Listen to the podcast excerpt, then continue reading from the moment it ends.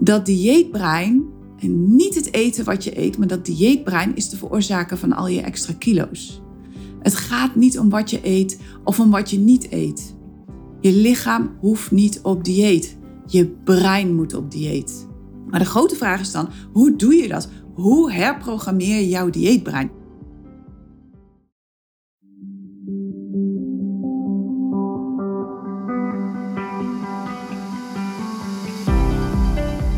Welkom bij de Eetgeluk podcast met Eetgeluk-expert Carola van Bemmelen. Waarin je leert hoe je weer een relaxte relatie kunt creëren met eten. Door middel van het managen van je oerbrein en het kiezen van me first. Zodat je voorgoed gaat stoppen met snoepen, snaaien, overeten en diëten. En weer trots bent op jezelf.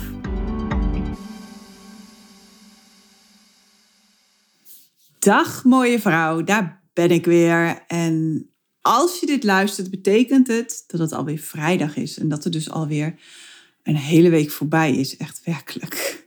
Een week voelt bijna als een dag, als ik heel eerlijk ben. Ik hoop in ieder geval dat het een fijne week was voor je. En ehm, ja, goed, voor mij geldt op dit moment dat het alweer maandag is. Dus ik ben zeg maar de maandag voor jouw vrijdag. Want op maandag schrijf ik altijd de podcast voor de komende vrijdag. Dus ik heb er net een weekend op zitten. En ik heb het afgelopen weekend mijn nieuwe kantoor geverfd. Want ja, het was eigenlijk niet de bedoeling, maar ik ga toch nog een keertje verhuizen. Maar wel binnen ons huis. Dus we blijven gelukkig wel op dezelfde plek wonen. En dat komt omdat ik nu in een afgescheiden deel zit van de woonkamer. En dat willen we toch bij de woonkamer gaan trekken. Want ja, het stukje woonkamer wat we nu hebben, dat staat gewoon vol met banken en tv. En ja, ik vind het eigenlijk wel een beetje een hok. Er zit een muur tussen, zeg maar. Het is een soort van ensuite kamer waar ik nu zit. En daar zit een muur tussen en die muur gaan we eruit halen.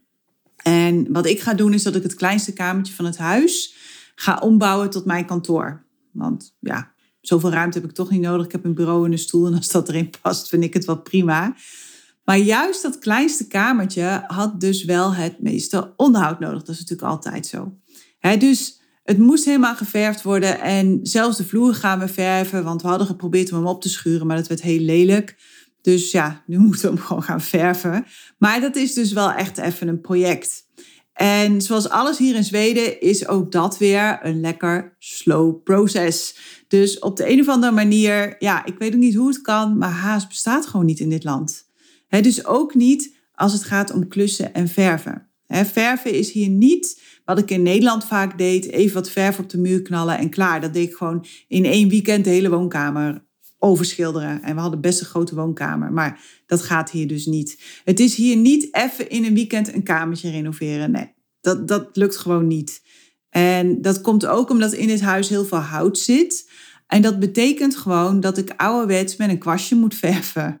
Dus dat heb ik afgelopen weekend gedaan. Eerst moest ik natuurlijk eindeloos schuren. Nou, als ik echt ergens een hekel aan heb, is het aan schuren. Maar daarna mocht ik dan verven. En ja, nogmaals, ik ben natuurlijk ook een beetje Nederlands, dus ik dacht dat ik alles met gemak af zou krijgen. Maar uiteindelijk heb ik alleen het houten plafond geverfd en al het houtwerk van de kozijnen. Met een blokkwast. En dat was echt super zwaar. Want die verf is best wel, ja, het was echt een mooie verf, maar ja, het was wel echt een hele zware klus. Dus ik kon gisteravond mijn arm gewoon niet meer bewegen. Ik kon nog geen kopje thee meer optillen, echt serieus.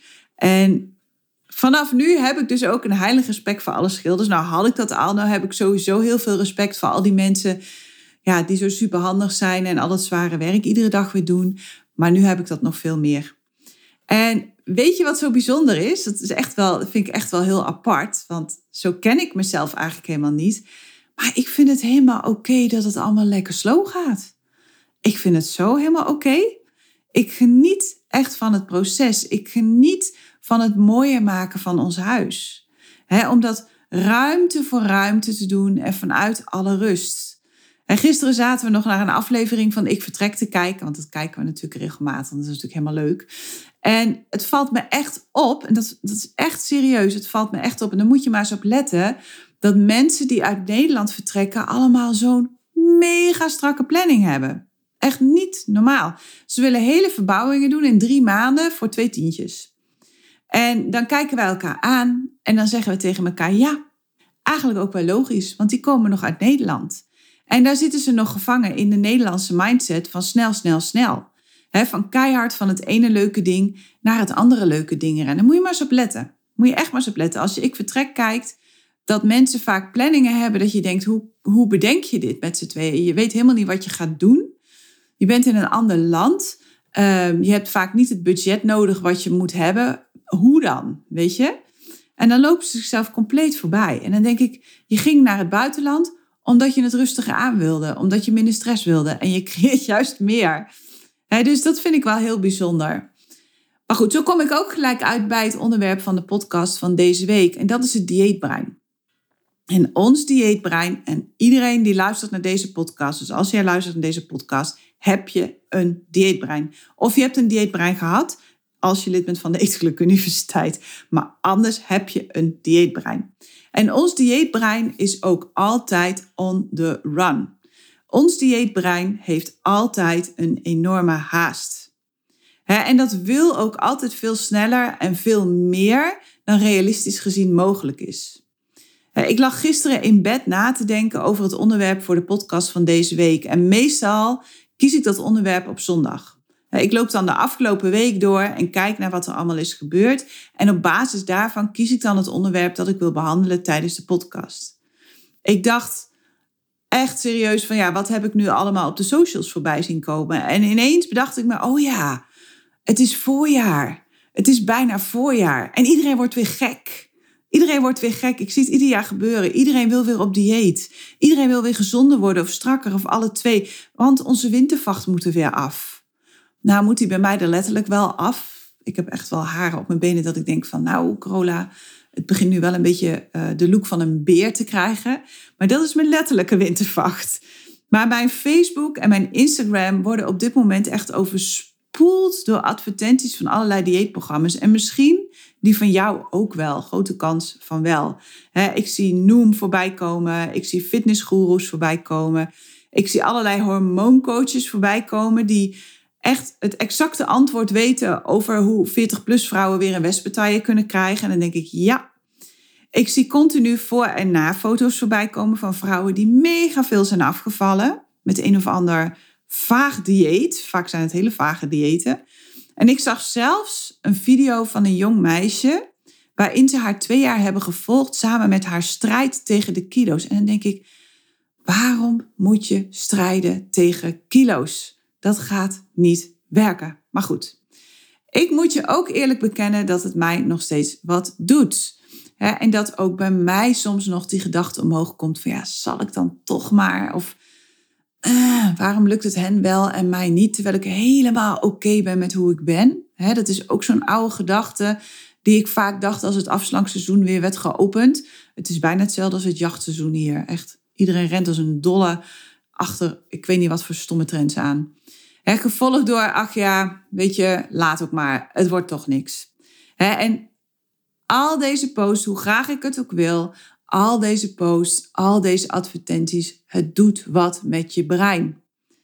Of je nu wilt of niet. we maken allemaal onderdeel uit van een fysiek en ja, als je het mij vraagt, super onvriendelijk systeem. van een systeem waarin we hebben geleerd dat we er op een bepaalde manier uit moeten zien, dat we een man moeten zijn eigenlijk en dat we anders niet goed zijn. we moeten als een man eruit zien, lang en slank en gespierd. En we moeten als een man doen. En dat is uh, vooral veel rondschreeuwen en druk doen en uh, sterk zijn. En anders dan zijn we niet goed. Maar wij zijn vrouwen. Wij zijn geen mannen. Als we mannen hadden moeten zijn, waren we als man geboren. En nu weet ik tegenwoordig kan het allemaal. Maar ik ben nog van de oude stempel. Hè? Je bent geboren als vrouw of je bent geboren als man. En dat is waar je het gewoon mee moet doen. En dat hele verhaal, lieve dames, dat creëert een dieetbrein. En dat dieetbrein zorgt voor een heleboel ellende. En dat dieetbrein, en niet het eten wat je eet, maar dat dieetbrein is de veroorzaker van al je extra kilo's. Het gaat niet om wat je eet of om wat je niet eet. geloof me alsjeblieft, je lichaam hoeft niet op dieet. Je brein moet op dieet. Maar de grote vraag is dan, hoe doe je dat? Hoe herprogrammeer je jouw dieetbrein? Hoe herprogrammeer je al die gedachten als, ik ben te dik, ik moet afvallen, Waarom lukt het haar wel en waarom lukt het mij niet? En waarom hou ik het toch maar niet vol? Of ja, het gaat gewoon nooit lukken. Maandag begin ik weer, maar maandag dan ga ik echt, dat is de laatste keer, maandag gaat het echt lukken. Dan ga ik, heb ik zo'n goed plan, dan komt het goed. deze keer gaat het echt lukken. Of ja, maar ik mag toch wel ook iets lekkers. Het, hoeft toch niet alleen maar zo saai te zijn. ik kan gewoon niks meer eten zonder dat ik gelijk 10 kilo aankom. Of ik, ja, ik weet gewoon niet meer wat ik moet doen om af te vallen. Nou ja, dat soort gedachten. Je kent ze wel. En er zijn er nog honderdduizend te bedenken. En als ik terugkijk naar mezelf, dan werd ik vooral het meest verdrietig van al die slanke vrouwen die maar voor de katse kut wegleefden. En die ik dan heel bewust en heel gezond, ja, ik was dan heel gezond aan het eten, maar ik viel gewoon geen grammetje af.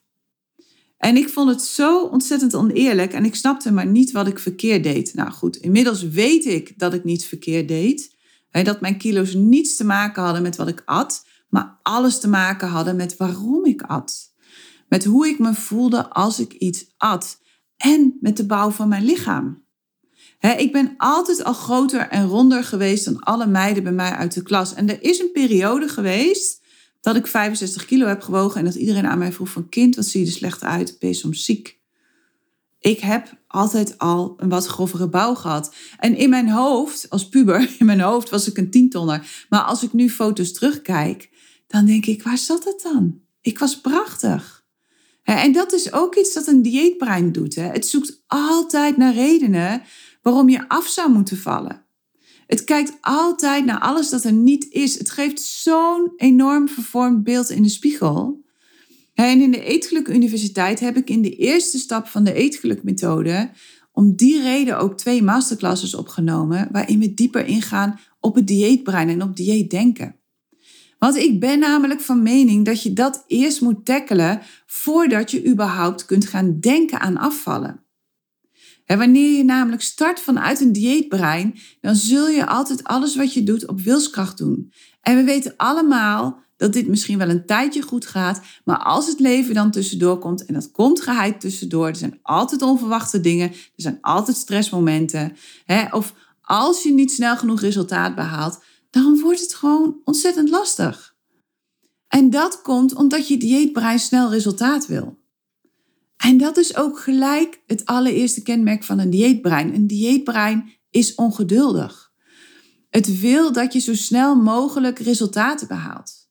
Omdat het denkt dat je je pas weer gelukkig kunt voelen en lekker in je vel kunt zitten als je slank bent.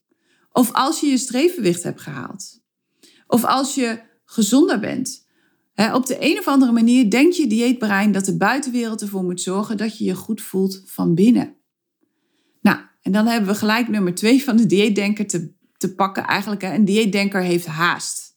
Een dieetdenker heeft ongelofelijke haast.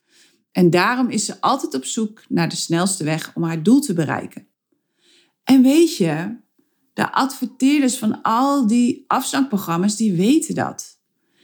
Die weten dat je pijn hebt omdat je niet lekker in je vel zit. Die weten dat je de wanhoop nabij bent omdat je steeds een grotere maat kleding moet kopen, terwijl je steeds minder eet en je ook nog eens kapot loopt te sporten. Terwijl je eigenlijk de uitputting nabij bent. Die weten dat. En daar spelen ze op in. Met voor- en na-foto's laten ze zien wat er allemaal mogelijk is. En wat ze eigenlijk ook doen met die voor- en na-foto's, is dat ze ook zeggen: als je dik bent, ben je niet goed en als je slank bent, ben je wel goed. Dat is eigenlijk wat een voor- en na-foto uh, impliceert. Hè? En met mooie testjes laten ze je denken dat je een persoonlijk op maat programma krijgt. Nou, niks is minder waar. Ik heb er een aantal uitgetest. Je krijgt overal gewoon hetzelfde standaard programma. En wat ze ook doen, is dat ze je helpen om niet zelf na te denken door je allerlei eetlijstjes te geven. En dat lijkt in eerste instantie heel fijn. dat is helemaal zoals je dieetbrein dat graag ziet. Want het denkt namelijk dat des te minder je zelf hoeft te doen, des te sneller het gaat. Maar ook dat als een ander het jou aanlevert, ja, dat het wel goed moet gaan. Dat, dat de kans op slagen groter is. dat, dat je het zelf niet kan, eigenlijk een beetje. En wat je brein natuurlijk altijd fijn vindt met alles, en dat is niet alleen met diëten, is gewoon als het zo min mogelijk moeite hoeft te doen. En nadenken kost energie. Nadenken kost moeite en ons brein houdt niet van moeite doen. Ons brein houdt van kant-en-klare oplossingen. Want dat spaart je energie. Dus vanuit de oertijd is dat heel logisch, alleen je leert er geen klap mee. Dus alles wat wordt aangereikt dat de illusie wekt van gemak, dat heeft gewoon meteen de aandacht van je brein. En dat begrijp ik. zeker met de eerste mooie lentedagen in het vooruitzicht wil je gewoon zo snel mogelijk weer in je zomerkleding passen. En heb je geen zin in een uitgebreide lange termijn strategie. Dan wil je even snel een paar kilo minder. Toch? Maar heel eerlijk, heel eerlijk, als je zou mogen kiezen, zou je dan liever nog één of twee zomers dik zijn of dikker zijn dan je wilt en dan de rest van je leven slank of lekker in je vel zitten zonder dat je je ook ooit nog maar zorgen hoeft te maken over je eetgedrag? Of zou je nu liever binnen een paar weken slank zijn en dan vervolgens de rest van je leven op dieet omdat je bang bent om weer dik te worden? Wat uiteindelijk dus ook gaat gebeuren, want dat hou je gewoon niet vol.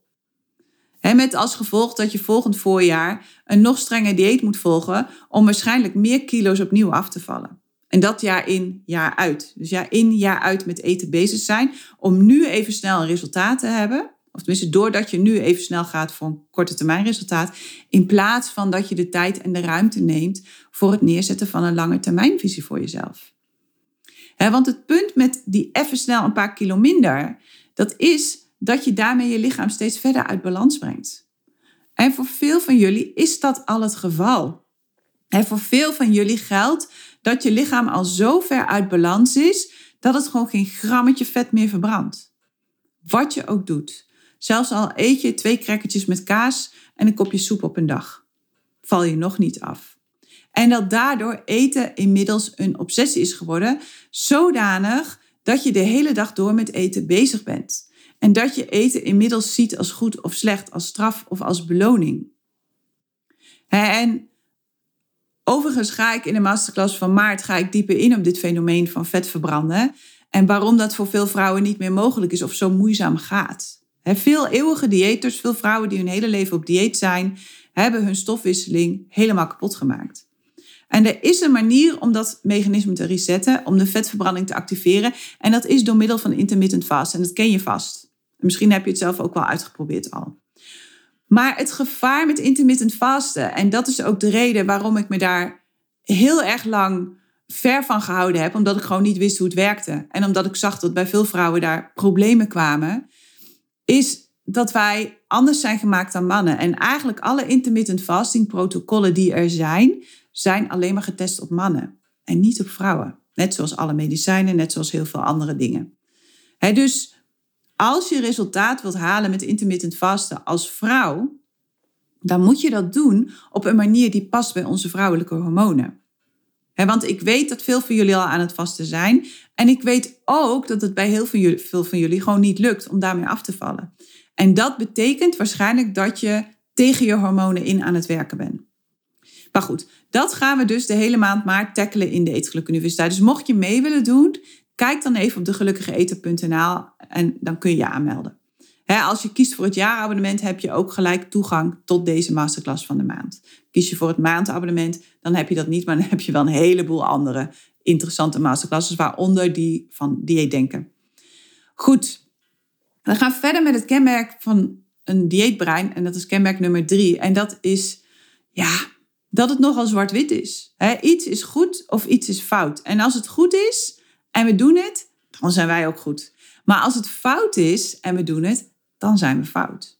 Met andere woorden, als dieetdenker koppel je je eigen waarde aan de dingen die je eet. En de dingen die je doet. Of de dingen die je juist niet doet. Je identificeert jezelf met je vaak automatische, volledig automatische gewoonte. In plaats van dat je jouw gewoonte kiest op basis van wie je wilt zijn, denk je dat je bent wat je doet. En doordat we geleerd hebben dat bepaalde voeding fout is of ongezond, denk je dat wanneer je dat eet, wanneer je daarvoor kiest, dat je dan fout of ongezond bezig bent. En je geeft jezelf op de kop als je het hebt gedaan. Je baalt van jezelf dat je geen weerstand hebt geboden. Je vindt jezelf een loser. En je zegt tegen jezelf dat het gewoon nooit gaat lukken.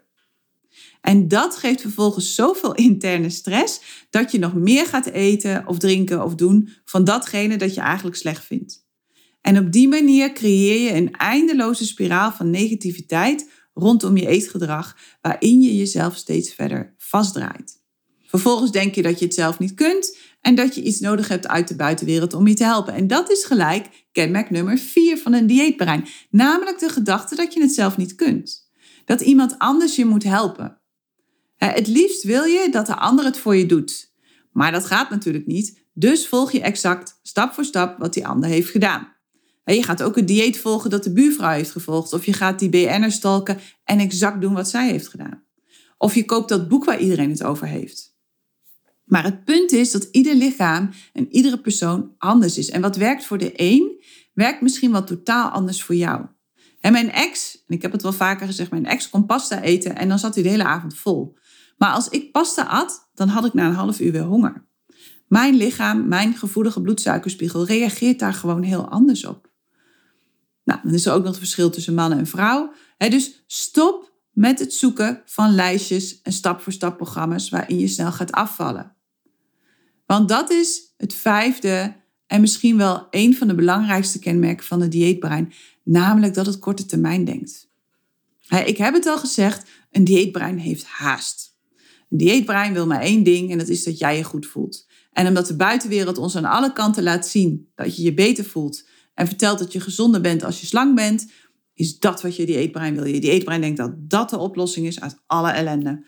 En daarom wil het gewoon zo snel mogelijk naar de overkant. Het wil zo snel mogelijk dat je weer in maat 38 past. Maar weet je, dat is korte termijn denken. En we weten allemaal dat korte termijn denken over het algemeen geen lange termijn resultaten oplevert. Het levert snelle oplossingen voor dit moment. Het levert noodoplossingen die ervoor moeten zorgen dat dingen niet erger worden. En soms is dat heel belangrijk, soms heb je dat gewoon nodig. Maar het levert vrijwel nooit een duurzame oplossing voor de lange termijn. En korte termijn oplossingen hebben altijd een hele hoge prijs. Soms letterlijk, omdat ze bakken met geld kosten. Maar heel vaak betaal je die prijs achteraf omdat ze de dingen juist alleen maar erger maken. En dan denk ik bijvoorbeeld aan een maagverkleining op de korte termijn lijkt het een mooie oplossing. Op de lange termijn heb je het over een amputatie met verregaande gevolgen voor je gezondheid. En daar worden we vaak niet over geïnformeerd. korte termijn oplossingen leren je niet de dagelijkse gewoonten en gedachten die nodig zijn om de onderliggende oorzaak van je overgewicht aan te pakken. En die onderliggende oorzaak, dat is het gebrek aan zelfliefde. Het is het gebrek aan verbinding met jezelf en met je lijf. En korte termijn oplossingen pakken dat stuk niet aan. Die leren je alleen maar om de buitenkant aan te pakken door middel van keihard trainen en het eten van dingen waar je over het algemeen niet blij van wordt of verregaande ingrepen.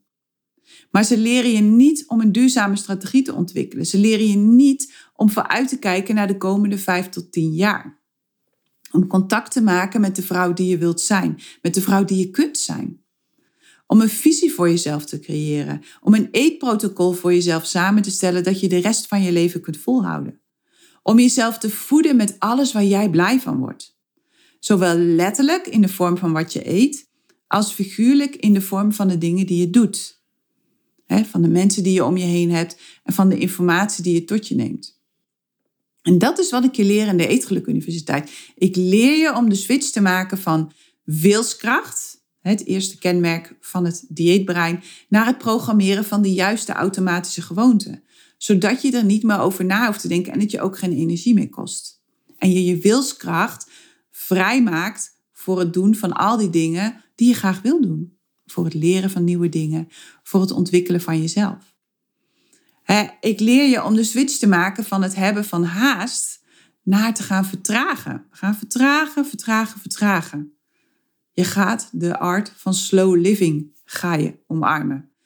Omdat ik wil dat je jezelf de ruimte en tijd gaat geven voor het proces dat nodig is om de vrouw te worden die je graag wilt zijn. Ik leer je om de switch te maken van goed en fout denken, alles of niets denken, naar compassie hebben voor jezelf en voor alles dat je doet. En naar het worden van jouw beste vriendin, naar het worden van jouw eigen maatje, naar het leuk hebben met jezelf Ik leer je om de switch te maken van denken dat je het zelf niet kunt, hè, eigenschap nummer vier van een dieetbrein, naar het opbouwen van je zelfvertrouwen rondom je eetgedrag en het herstellen van je zelfleiderschap.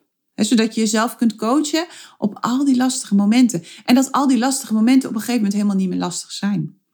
Dat is waar we naartoe gaan.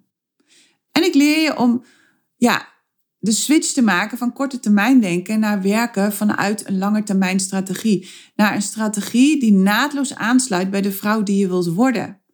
Zodat je hem de rest van je leven zonder problemen vol kunt blijven houden en nooit meer op dieet hoeft. want dat is uiteindelijk de enige manier om blijvende resultaten te behalen. Want het gaat niet om de kilo's. Het gaat om het verhaal van jouw kilo's. Het gaat om wat jouw kilo's jou vertellen maar ook om wat je aan jezelf en aan de buitenwereld vertelt over jouw kilo's. Om de betekenis die je geeft aan de kilo's. En dat verhaal is voor iedere vrouw anders. En zodra je jouw dieetbrein gaat herprogrammeren, zodra je het gaat herkennen als je weer aan het dieetdenken bent en weet hoe je daarmee om kunt gaan, komt er ruimte voor het proces dat nodig is om de verbinding met jezelf te herstellen. En vanuit die verbinding met jezelf ga je steeds beter voelen wat je werkelijk nodig hebt.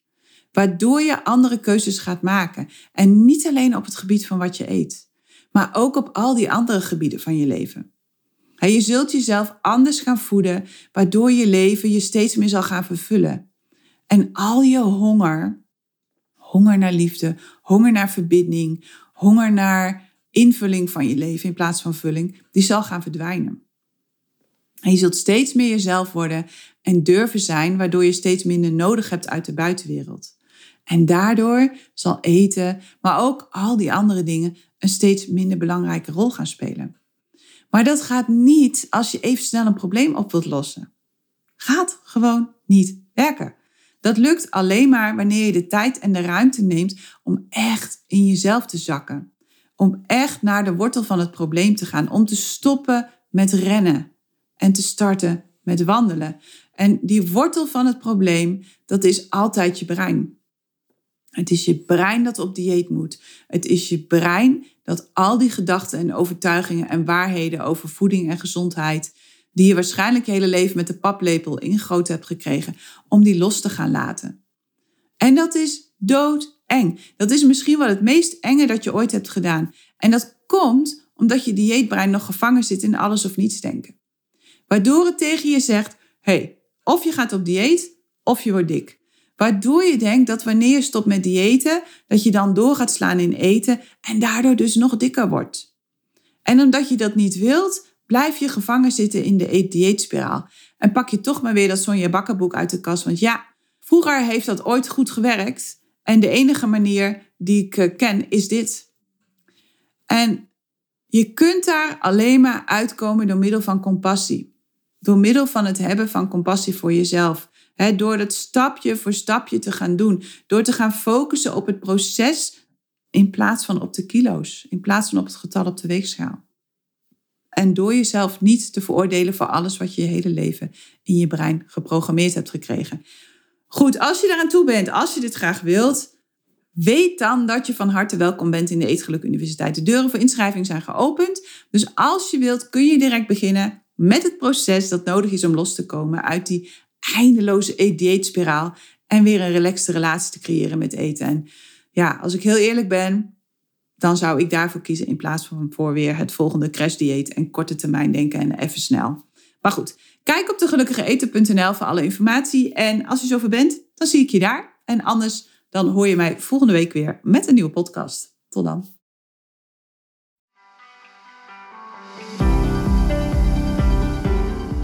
Hey, als je het fijn vond om naar deze podcast te luisteren, deel hem dan vooral met alle andere vrouwen in jouw omgeving waarvan je denkt dat ze er wat aan kunnen hebben. En help me door een recensie achter te laten op het platform waarop je luistert. Laten we er samen voor gaan zorgen dat de huidige dieetmaatschappij gaat stoppen. Want dat is echt heel hard nodig. Wil je dat doen voor me? Ik reken op je.